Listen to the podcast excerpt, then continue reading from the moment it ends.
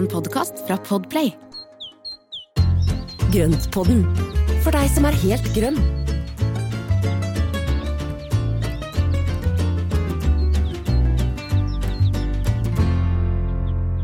Hei og velkommen til Grøntpodden. eh, Med meg Marianne og deg Espen. Du er også med. Ja da, jeg er med. Så nå er det, nå er det endelig litt vår i lufta, så nå, nå skal vi snakke litt videre. Herlig. Hva skjer Åh, neste? Vår lufta. Bare den setningen er så herlig. Ikke sant? Ja, det er veldig bra.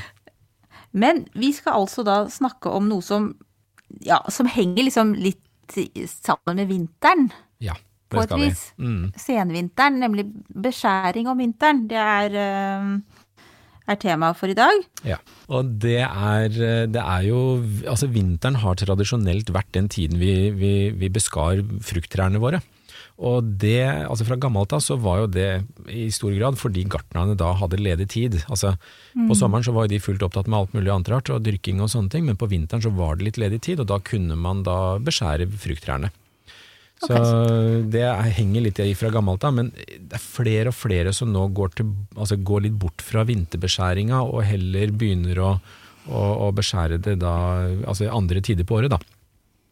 Mm, for det går an, det også. Det var mer sånn praktiske eh, hensyn som gjorde at man gjorde det på vinteren Ja. mere Mm. før. Ja, okay. Så, også, ofte så kan det også være litt snillere for plantene å da, altså å beskjære når de er i vekst, for at det er jo da mm, muligheter for å lukke sår og sånne ting. Ja, Mm. smart. Ja, men det, ja. Jeg, jeg forstår at jeg kommer til å lære mye i dag. så bra. Nei, det, er, det, er, det er ganske spennende tema, og det er jo veldig også individuelt, for man, mange gjør, altså man gjør det på litt ulike måter. Så, så det er jo også litt individuelle, individuelle tilpasninger der, sånn at man da lærer seg eh, rett og slett lærer seg sine egne hage og sine egne busker og trær å kjenne. Da setter vi i gang, da. Ja, men det skal vi gjøre. Du Espen, jeg må bare innrømme at jeg syns beskjæring er litt skummelt. Jeg tror ikke jeg er aleine. Nei, vet du hva, det, altså jeg har jo drevet med dette her i mange år, og jeg syns også det er skummelt. Det er, eh, det er alltid sånn, hvor mye skal man ta, tør man å ta det, altså hvor skal man klippe, og så driver man og klipper litt i tuppene, og så tenker man ja ja, vi får vi venter litt til, og så ser vi. Jeg føler liksom at jeg er litt sånn Føler meg rimelig uproff på en måte. Samtidig så veit jeg at plantene mine, eller trærne og spesielt, da, men også og buskene, trenger det jo. Ja. Eh, Det er, det er faktisk et veldig godt poeng, og det er eh, for å få sunne, friske trær, så må vi, så må vi gjøre det. Og, men så er det jo også noen ting rundt dette her med at det er skummelt. Det er at det meste går jo greit. Det er ikke de store krisene om du klipper litt feil og sånne ting. Altså De aller fleste tilfellene så går det helt greit. Og det kan jo hende at planta ser litt rar ut, eller treet blir litt skeivt, men altså, altså Det er lov, det, da. Det overlever man. Det Men er det sånn, altså planta overlever om du har mm, kutta en grein eller to feil? Ja, ja, ja. Nei, det har jo ikke noe stor, stor betydning. Og så er det jo noe med det av hvordan man da ønsker å, altså hva man ønsker å ha ut av, av busker og trær. da. Og hvis man da tenker på frukttrærne, så, så vil man jo gjerne ha mest mulig frukt, og man vil ha størst og finest og, og, og frukt, og da er det noen, noen regler som må til, og, og det å få inn luft og, luft og lys i krona, da. Men mm. vi Ja, for nå er du litt over på hvorfor, vi, hvorfor beskjærer vi, for det lurer jeg jo egentlig på. Altså når, både når begynte vi med det, men det har vi sikkert gjort i alle tider. Men det har vi eh, også. Det har vi ja. virkelig. Tenk på japanerne og kineserne som drev med bonsaier for tusenvis av år siden. Det er jo, de har jo drevet med små bonsai-trær. Da har de jo liksom formet naturen. Så vi, har jo, vi mennesker har jo også et ønske om å forme naturen i vår, altså inn i vår hverdag. Da. Og at den da fungerer til vår hverdag. Ja. Og jeg kjenner flere som er veldig opptatt av dette her med å, å, å, å forme og lage ting, og, eller lage, forme naturen. Og jeg har jo også et par små furuer som jeg har tatt med hjemme fra Kragerø hos mamma og pappa, og, og som da var, eh, har stått der, og som jeg da forma til. Og det er jo så bitte små trær, og de er jo ikke mer enn en halvmeter høye, men de gjør seg veldig godt i hagen. Og det er jo litt klipping og litt forming med, med ståltråd og litt sånne ting. Du, det må vi legge ut bilde av. Det skal vi gjøre. Bare sier det sånn, stikker inn en liten ønske her, sånn, ja. Ja. Eh, På våre sosiale kanaler. Ja. Så det er veldig, det er, men, det er, men det er morsomt det der med beskjæringen. også, for at det, er jo, det er jo noe med at uh, ja, I tillegg så er jo Klipper vi for mye, så er naturen ganske tilgivende. Det er jo et ønske om at uh, den skal klare seg, så den kommer ut igjen. Men vi har jo også da en del plantepleie for at de, de skal trives, da. Eh, hvis det blir for tett og ruskete oppi en krone, så kan det ofte bli sopp og råte, og det kan være liksom en del sykdom som da får grobunn, hvis ikke det blir Mm. åpent og luftig. Så det er ikke bare det estetiske, Nei, det er nei, også praktisk. Det er ja. praktisk og helsegevinst i det også, fordi det er jo hvis trærne har sykdom, altså spesielt steinfrukter har jo da en, en, en sjanse for å få noe som heter grå monilla, som er en soppsykdom. Og da dør én og én grein, og det kan være lurt da å klippe bort de visne syke greinene for at ikke det skal spre seg. Samme med rosebusker, hvis de da får på virus eller sopp eller sånne ting, at man da fjerner det som er sykt. Og det er jo en viktig del av beskjæringa, er at man da fjerner syke plantedeler. Og legger dem langt bort, eller skal man De skal legges langt bort. De skal helst dem, eller? brennes eller kastes. De skal ikke i komposten. Det er, det er i hvert fall sikkert. For det er jo Nei, sykdom som kan spre seg til andre, andre trær i hagen også. Og, Usj. Ja, nei, det vil vi ikke. Så vi må passe på smittesporinga her, så det må vi, det må vi holde styr på. Det har vi lært i år. Vi har blitt Ja. veldig gode på smittesporing. Ikke sant. Men finnes det, finnes det ulike typer beskjæring? Eller altså, ja. Jeg, jeg føler at jeg er veldig sånn Utgangspunktet mitt er at jeg kan veldig lite om det her, selv om jeg har klart å klippe mitt gamle pæretre ganske fint. Men altså, er det Ja, det ulike typer det, beskjæring? det Espen? hørtes jo kjempebra ut. Gleder meg Ja, til å se det i full, ja. full gang igjen. Også. Ja, det, det kan jeg Hvis det har gått bra, så skal jeg ta og knipse et bilde. Så bra. Ja. Men det er jo men det er jo noe med å fornye trærne også, for at hvis det er noen som da begynner å bære dårlig med frukt, eller hvis det, du ser at det er skader eller at det er svakheter i stammen og greinene, som du ser at på sikt så vil det kunne knekke og gi brekkasje, så er det greit å styre veksten andre veier, og at man da former den. Og det er jo egentlig en del av det som man eh, snakker om, å, å forme trærne til at man da har en beskjæring rett og slett for å forme de sånn som man selv vil ha de, da. både høyde og vidde og stamme, stammestruktur og alt sammen. Er det én type beskjæring som, som på en måte går inn i den Er det en grundigere beskjæring, eller er det liksom Ja. Det er mer strukturell beskjæring, at man da tar, altså man ser for seg det, gjerne da på, på nye trær og busker som man da har kjøpt, eller nye frukttrær som man kjøper, så ser man for seg hvor er det nederste greina skal være, hvilken hovedstamme skal være, være den riktige, og så sørger man for at man dyrker fram det og klipper tilbake, slik at ikke de andre greinene tar for mye krefter fra den da. Så kan man da styre opp det. Og så har man da vedlikeholdsbeskjæringen som man da tar senere, og det er gjerne når, da, når plantene har etablert seg og har blitt større og, og, og er mer i, i farta. Og da er det rett og slett at det, man åpner krona og klipper bort grein, greiner som krysser hverandre, og mm. disse som går rett opp, som er årsskuddene for eksempel. Og ja, det er jo en del Passe av de på at det holder seg fint og Ja. og, ja mm, Og luftig. forstår. Ja. Har tidspunktet på året noe å si på beskjæringen? Det har det, for det er jo Altså, man bruker jo da disse jazzmånedene, som er juli, august og september. Og det er eh, en liten huskeregel som er veldig fin å bruke, for da har plantene liksom fått ut den mesteparten av den der første starten på veksten av året. Og så, hvis man da beskjærer i det tidspunktet, så, eller innenfor de månedene, og da innen utgangen av september, så vil alle sårflatene rekke å lukke seg før da frosten kommer og høsten kommer. Og da er de mindre utsatt for angrep av sopp og råte i snittflatene eller i sårflatene.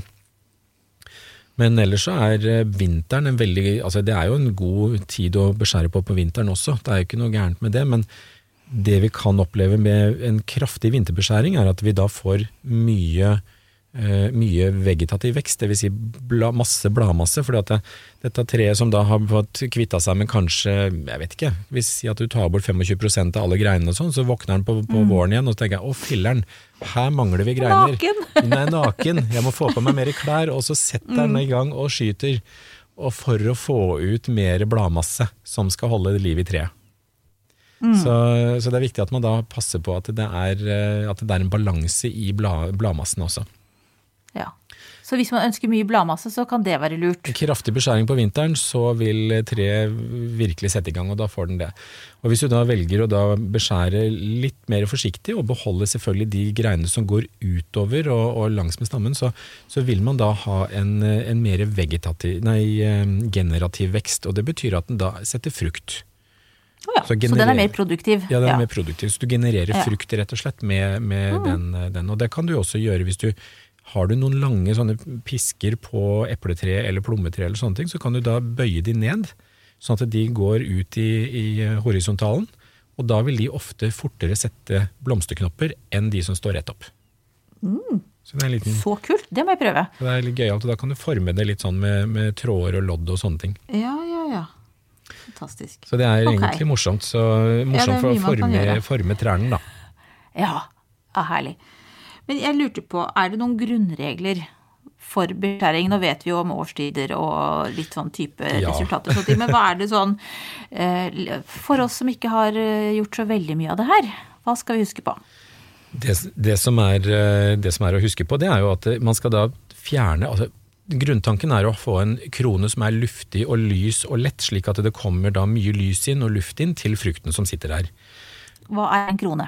Krona, det er Du har stamme på treet, og så har du en krone der hvor greinene breier seg utover. Ikke sant? Altså, Sånn at du, da, du har åpent og luftig. Sånn at det, det skal være nok, nok, eh, nok plass der. Og dermed så skal du klippe bort alle greinene som peker inn i krona, sånn at du da ikke har et virvar av greiner som står i hverandre.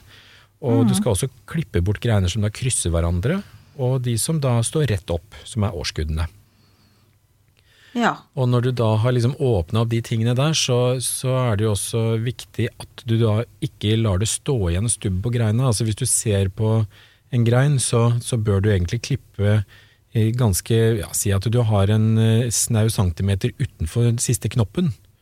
Slik at det da ikke det blir stående igjen en stubb av greina. For at da får du masse pinner som egentlig ikke har noen funksjon. Og det er, det ja er bare det ser bare litt sånn rotete ut. Ja. ja, det er ikke noe poeng med å ha det sånn. Nei, nei, nei. nei. Så, så det er en av de tingene som at du da du, du, du kutter de ordentlig på den måten, og så når du da fjerner de greinene helt inne fra stammen, så klipper du de helt inn til stammen, og ikke la det stå inn en liten sånn knott inne, innerst. Så viktig at man da rett og slett har rene kutt, og så at man da kutter, kutter på riktig sted, for at altså inntil eller rundt alle greiner som kommer ut av stammen, så er det en litt sånn bulkete del som, eh, av barken. Altså det, man ser en, det er en ring som ligger rundt, som er sånn bulkete og knudrete. Og det kalles for grenpute. Og den grenputa det er en vekstsone som, gjør, eh, som vil kunne lukke såret hvis du klipper greina inntil stammen. Ok, så, så, så det er bedre for, for veksten at du, at du klipper der, da? Ja, sånn at når du, Ja. når du da tar og fjerner den greina, som du skal ta, si at du har en stamme, og så har du en grein som kommer ut, og så har du grenputa som ligger rundt denne greina, og da, da enten klipper du eller sager du av tett inntil den grenputa, men pass på at ikke du skader den, for det er vekstsona som da skal sørge for at tingene lukker seg etterpå. Så det er, en, eh, det er en litt sånn eh, grei ting å huske på, at man da, ja, at man da ikke ødelegger barken og vekstsona på resten av treet. Mm. Ja, Det er viktig å huske på. For Det det visste jeg heller ikke. Nå skal jeg se etter grenputer nå, da. ikke sant? Er, altså, den er viktig, og så er det også veldig greit at man ikke har horisontale snittflater. At hvis du Hvorfor da, det?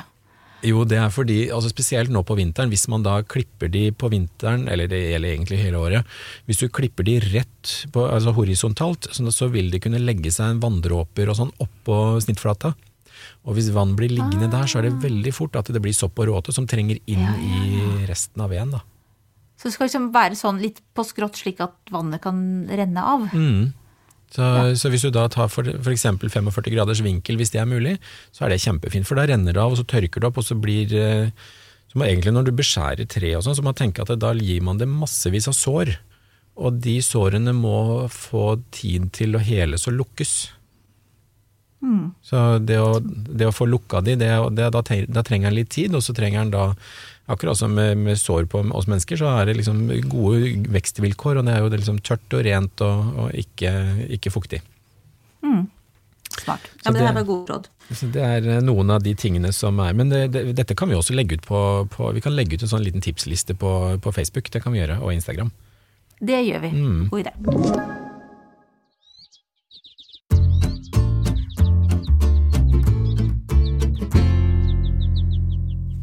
Jeg, nå har vi jo snakka egentlig om beskjæring generelt, og vi, Mhm. vi skal jo komme til vinterbeskjæring litt mer spesifikt eh, noen punkter der. Men Ja. um, er det Altså, hvilke vekster skal beskjæres når på året? Kan vi bare ta en sånn kort gjennomgang før vi fokuserer på vinter? Ja, Det er jo, altså, som, som jeg nevnte i stad, så er det, det er ganske individuelt. Det er ganske mange mm, som, som egentlig beskjærer året rundt, men det vi i hovedregel kan si, at det sånn som steinfrukter og sånn kan gjerne tas rett etter fruktbæringa, eller da på seinvinteren. Men, eh, men, da busker og klatreplater kan jo da tas eh, litt avhengig av når de blomstrer. For det, det, er en av de tingene som jeg har lyst til å si. Det er jo Har du da busker som blomstrer på våren, så har de etablert knoppene sine eh, fra altså sist år og på da fjorårets vekst.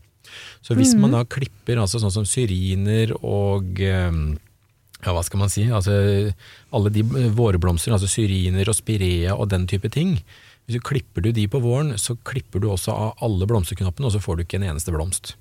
Å oh ja, så uff, nei. Ja. ja, så, det, ja. så, det, så, du dreper ikke planta, men du nei, bare får ikke noe glede av den? Du får ingen glede av den sånn i blomstermessig. Mm. Da. Så det som er, tenk på det at alt som er vårblomstrende, det bør klippes umiddelbart etter blomstring.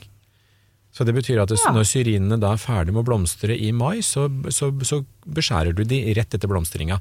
For mm. da rekker de plantene å sette nye skudd, som da kan sette nye blomsterknopper for året etter. Når du sier det sånn, så er det så innmari logisk. Ja, men Så bra. det, er, igjen, ja, men det blir jo det, altså, greit å si når du har fortalt det, men altså, det, er jo, det, er jo, det er jo veldig sånn praktisk uh, forklaring, da. Ikke sant? Og det, det, det, henger jo sammen med hvordan, de, altså hvordan syklusen er for de da. Men så mm. har du da andre busker som da blomstrer på sensommer og høst, og det er jo da noen av hortensiaene, altså denne vierhortensia blant annet, og, og syrinhortensia, de kan jo da mm. klippes mm. da på våren. Fordi at de blomstrer jo da altså senere på sommeren, og sammen med den potentilla, eller buskmure som er de der gule blomstene. Ja, kjempefin. Og den er, den er mm. knallgule, som fins i um, mye parkanlegg. Den fins også i en kjempefin blekerosa og i en hvit variant. Og den er det mange mm. som ikke har oppdaga ennå, så den er kjempefin. Utrolig blomsterrik og holder det gående hele høsten og sensommeren. Men de lager altså blomsterknoppene på altså samme på år som de blomstrer? Ja. ja. Så det betyr at mm. den kan du da godt snaue ned og, og, holde, og klippe tilbake igjen på våren. Så, mm. så, det er liksom, tenk etter når er det plantene blomstrer, og i forhold til de, når de bør eh, beskjæres. Mm. Og så er det jo da, er det jo da rosebusker og sånne ting, og det er jo mange som lurer på. Rosebuskene de bør jo tas egentlig så fort snøen er gått, så, så kan man ta det som er vissent og stygt, og det du ser er, eller det du ser er dødt. Og roser, der fjerner jeg alt sammen og putter i bålfat og brenner opp. Fordi at ja. det der, i tilfelle det er noe, noe, noe smitte fra, fra, fjoråret. Og da kan jo det være Uansett. Ja. Selv om det ser helt greit ut, så ja, gjør du det for sikkerhets skyld. Jeg gjør det. To, altså mm. det, akkurat rosebuskene gjør jeg det med. Bare... Klipper du dem helt ned, eller hvor nei, nei, nei. langt er det? Sånn 10 cm, eller hva er det man skal Nei, oi, oi, oi. Nei, nei, nei. Ikke så mye. Nei, nei, I første omgang så tar jeg bort bare den grove beskjæringa, altså, eller tar bort alt som er ja. vissent og dødt. Mm. Og eh, det som du ser ikke har klart vinteren. Og så, ja. og så kan man da ta neste beskjæringa tar man når musørene på bjørka er uh, ute. Ja. Altså, det var ikke så brutalt som det jeg så for meg? Nei, nei, nei. nei, nei, uff, nei. Så den, den ordentlige beskjæringen den tar jeg da når musørene kommer, for da ser man også hvor det begynner å skyte, og hvor da knoppene mm. sitter igjen. Og det, det er mm. også noe vi kan si litt mer om senere. Så, nei, så det, er, det, er, egentlig gode ting. Og så er det jo da selvfølgelig frukttrærne som da kan tas nå. Og så er det én ting som bør tas midtvinters, som jeg vet om, og det er druerankene. Har du ja, drueranker Så nå er vi over på vinterbeskjæring. Ja, nå er vi over ja. på vinterbeskjæring. Mm. For har du en drueranke, så bør den ha hovedklippen sin i, eh, allerede i januar. Altså, kan gjøres, men jeg har jo tatt den helt ut i mars, så det er ikke noe problem. Men i god tid før uh, sevja stiger. Mm. Fordi, ja, for de blør sånn? De blør sånn, ja. Det drypper og renner i langsommelig tid, så det er, det er, så vondt å se. Mm. Så Bare sånn at sårflaten rekker å lukke seg litt, da. Mm. Ja, det er noe av det jeg må gjøre, for vi har drueranker foran kjøkkenvinduene, og det, ja. det har vært uh, somre der vi ikke har sett noe. det har vært et grønt, grønt kjøkken. Så det, ja, de det må tas. Flott, de er jo så flotte, og så er det jo en vanvittig ja, vekst på de når de setter i gang, altså. Mm, mm, absolutt. Alltid mange... mye mer enn det man tror, så den er lur. Det er, det er faktisk det. Og det, er, og det, er, mange sorter som da klarer seg fint i Norge. altså Mange steder i Norge som kan ha gode spisedruer. Så mm. bare vær litt obs på hvilken sort du velger. Det kan vi snakke om en annen gang. Det kan vi gjøre. Enda tema. Enda.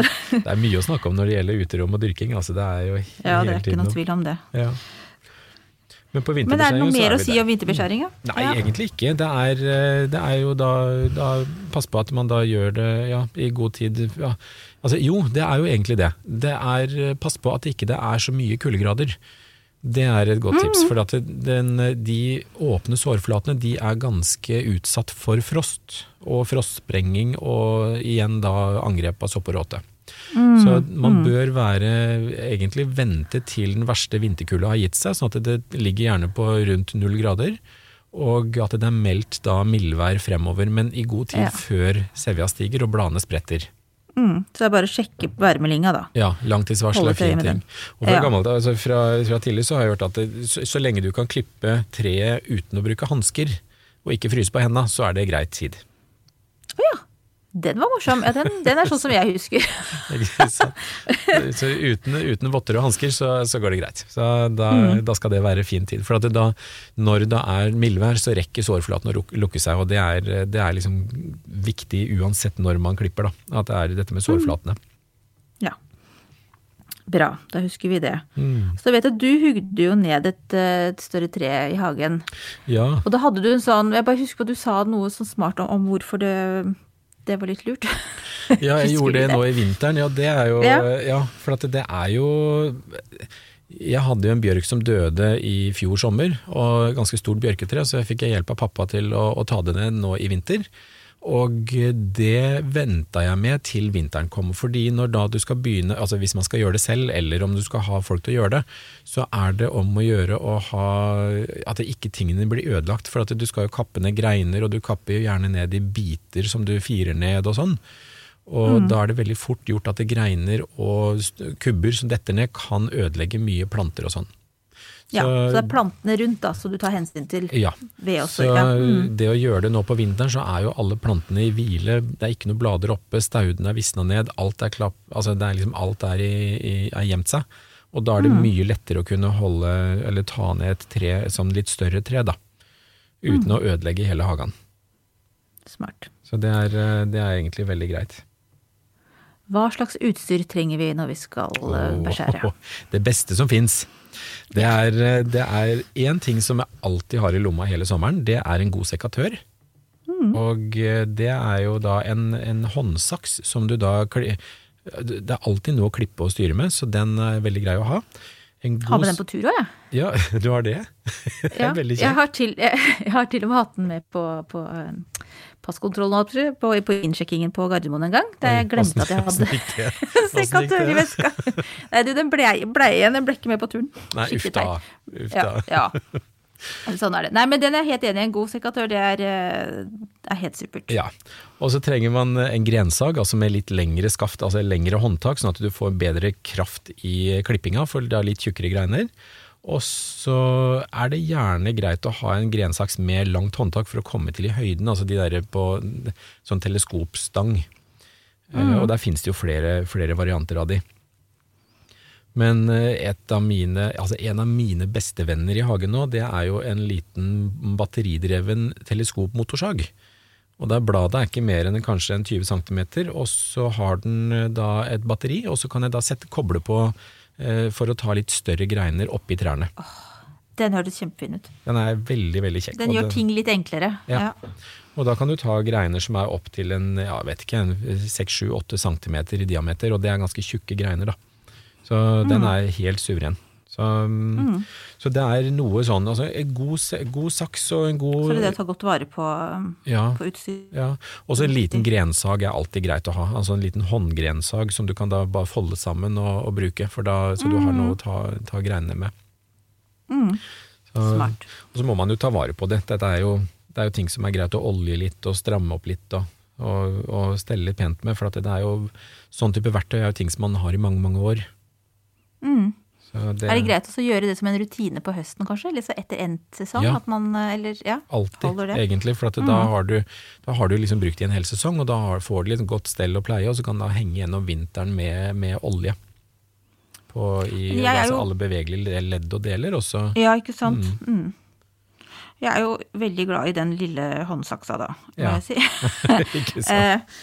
Ja, og jeg fordi at, altså Noen ganger så ser jeg jo da at, eh, at jeg må liksom gå opp en størrelse, fordi at jeg kan rett og slett skade den greina jeg kutter? Altså det at det, det blir for lite? Ja, Eh, er, er, så, er noe Ja, hvordan kan man skade en vekst ved beskjæring? det er jo Altså, bruk riktig utstyr, det er første, første steg. Altså, det som du sier, hvis du da gyver løs med en håndsaks på en litt for stor grein, så ender du med at du ødelegger både greina og saksa. Fordi, og kanskje også henda, hvis du da drar i for hardt og så glipper det, og så kan du, kan du skade deg.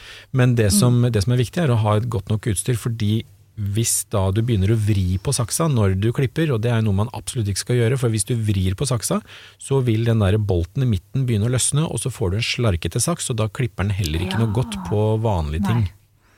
Nei, det er da man liksom ser fibrene, på en måte, istedenfor at man får et sånt fint Ja. eh, kutt. Ja, Mm. og den skal være et rent og godt kutt. Og, og i tillegg, så når du da begynner å vri og dra, og kanskje dra litt i greina i tillegg, så, så kan du risikere at du flenger av biter av barken, og det er, eller å ødelegge grenputa. Så det er, mm. det er mange ting som er eh, Altså det er mange gode grunner til hvorfor man skal velge godt verktøy, altså, og at det er Ja. eh, ordentlig. Og så er det jo noen sånne sakser eller sekatører som da har sånn ledda funksjon, sånn at du klipper ett hakk, og så kan den da eh, ta et nytt steg, og så, og får du da, hva heter det for noe, når du da får ekstra styrke inn i det klippet da. Ja. Mm. Så det er, en, eh, det, er, det er flere som har det også på markedet, så det, det er veldig grei, og da får du mye mer kraft å kunne ta litt større greiner. Smart. Hva skal vi gjøre med de avkappede greinene, da? For nå har jeg sånn mentalt har jeg nå Nå står jeg på en stige og ser ned på en haug med, med, med, med greiner som ligger på bakken. Ja, ikke sant?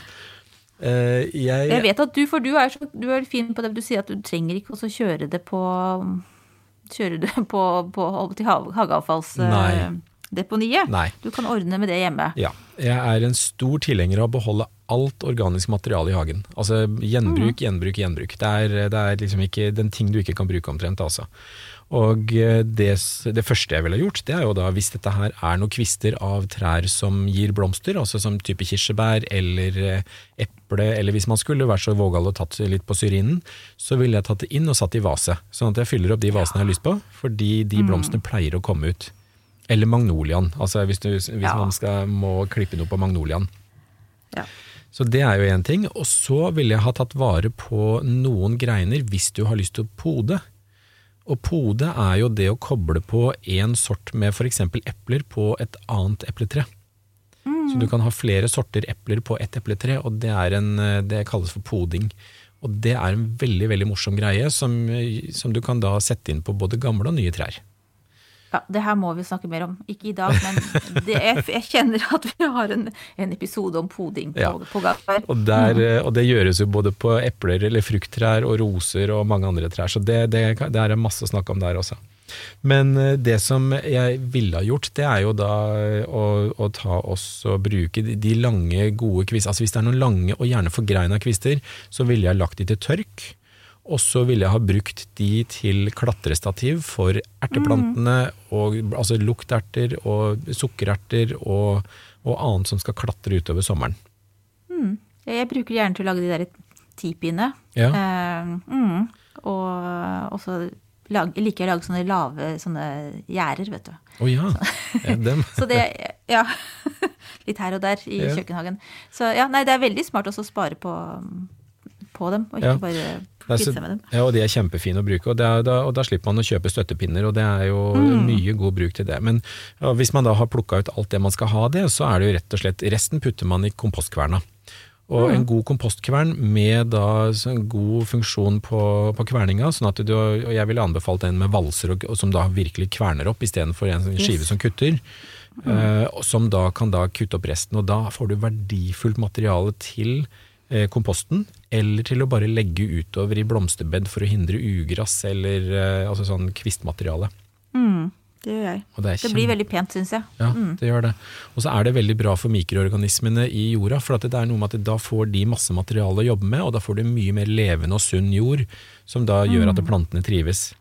Og jeg brukte en del sånt i blomsterpotter når jeg skulle potte om litt større ting i fjor, Ja. og så blanda jeg inn en del sånn kompostkvernkvister. Blanda det ned i jorda, også, og sammen med kukompost og vanlig hagejord og, og litt næring, og vips, og de plantene stortrives med det, for du får en veldig fin struktur da. Ja, ja, ja. så smart. Så, så det er jo så, Det må prøves. ja, nei, så Gjenbruk alt. Det er liksom ingenting Mm. som behøver å kjøres bort. og Istedenfor å bære inn lassevis med ny, ny jord og ny kompost og sånne ting, ja, så, så får du veldig mye gratis med å bruke det du har. Sparer tid, da. Kan heller ta deg en en tid. kopp kaffe eller noe sånt. Ja, det, er, det er alltid... en pause mens naboen kjører av gårde. Ikke sant? Det er veldig greit. Mm.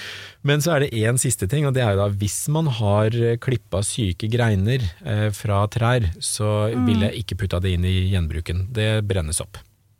Ja. Som jeg sa med roser i stad. Det Brenn det opp. Ja. Ja. Det er det sikreste, og det er spesielt med steinfrukter, med kirsebærtrær og sånne ting. At hvis du da klippet av noen noe, noe syke greiner som du vet er sykdom på, så vil jeg for det første ha brent greinene, men jeg vil også ha vaska utstyret jeg, med litt såpe og vann før jeg tar og, og klipper på andre trær igjen. Ja. Mm. ja, det var lurt. Ikke glem det. Mm. Så ikke man drar smitten rundt i hagen. Nettopp. Mm. Men så bra. Eh, eh, da føler jeg eh, at det kommer en liten oppsummering. Jeg. Ja, så bra. Har du, hvis ikke du har noe mer på hjertet nå? Jeg synes, nå har jeg lært veldig mye. Hjernen er sånn sprengfylt. Ja, ikke sant? Det er så bra. Kan vi fordøye det litt? Grann? Skal vi se, da. Nå skal jeg, du, får du sjekke om jeg husker det viktigste her. Mhm. Men jeg har i hvert fall notert meg at vi beskjærer for å forme vekstene. Eh, og for å gi dem bedre altså helse, da. Vekstvilkår. Ja.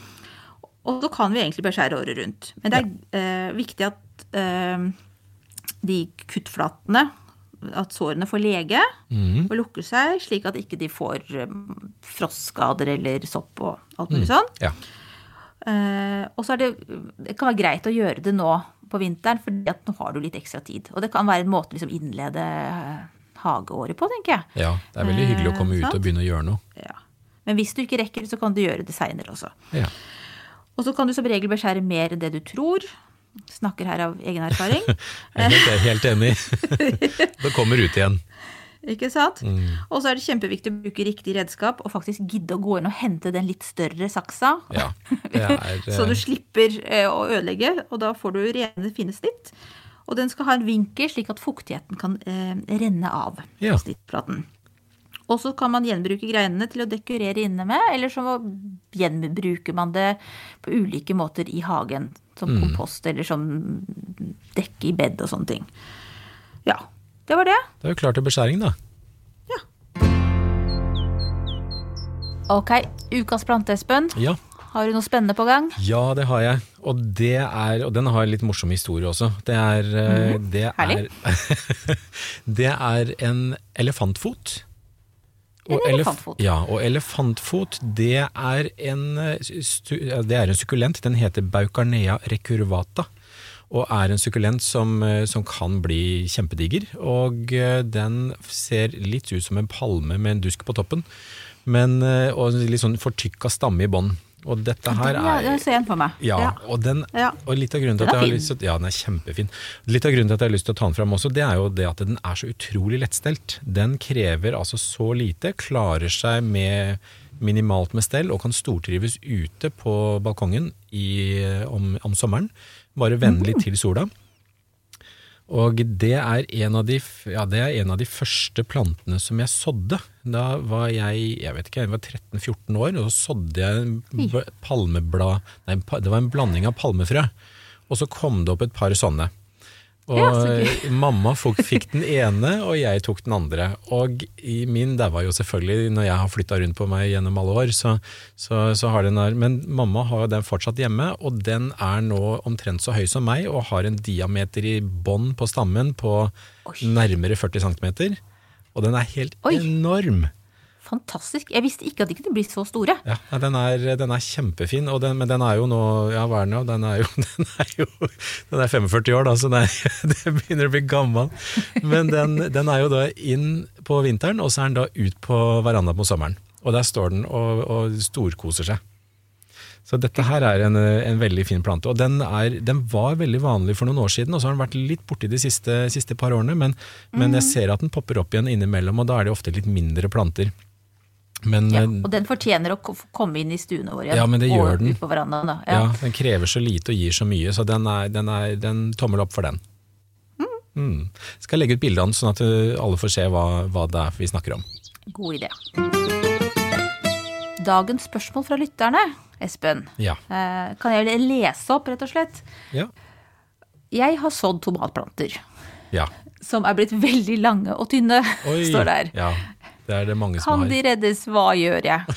Jeg tror, ikke, jeg tror det er flere som kjenner seg igjen i, i den der. Det er det, altså. Og det er eh, det, er- det, det er absolutt Stort sett så går det veldig fint å redde de. Det som, eh, hvor, altså Årsaken til at de blir lange og tynne og litt spinkle, er at de har hatt det litt grann varmt og litt for lite lys. Så det, det man kan gjøre videre fremover, det er å senke temperaturen litt. Tomatene bør ikke under en sånn ja, 12-15 grader om natta. Eller ha, de bør ikke noe særlig under det når de dyrkes fram nå.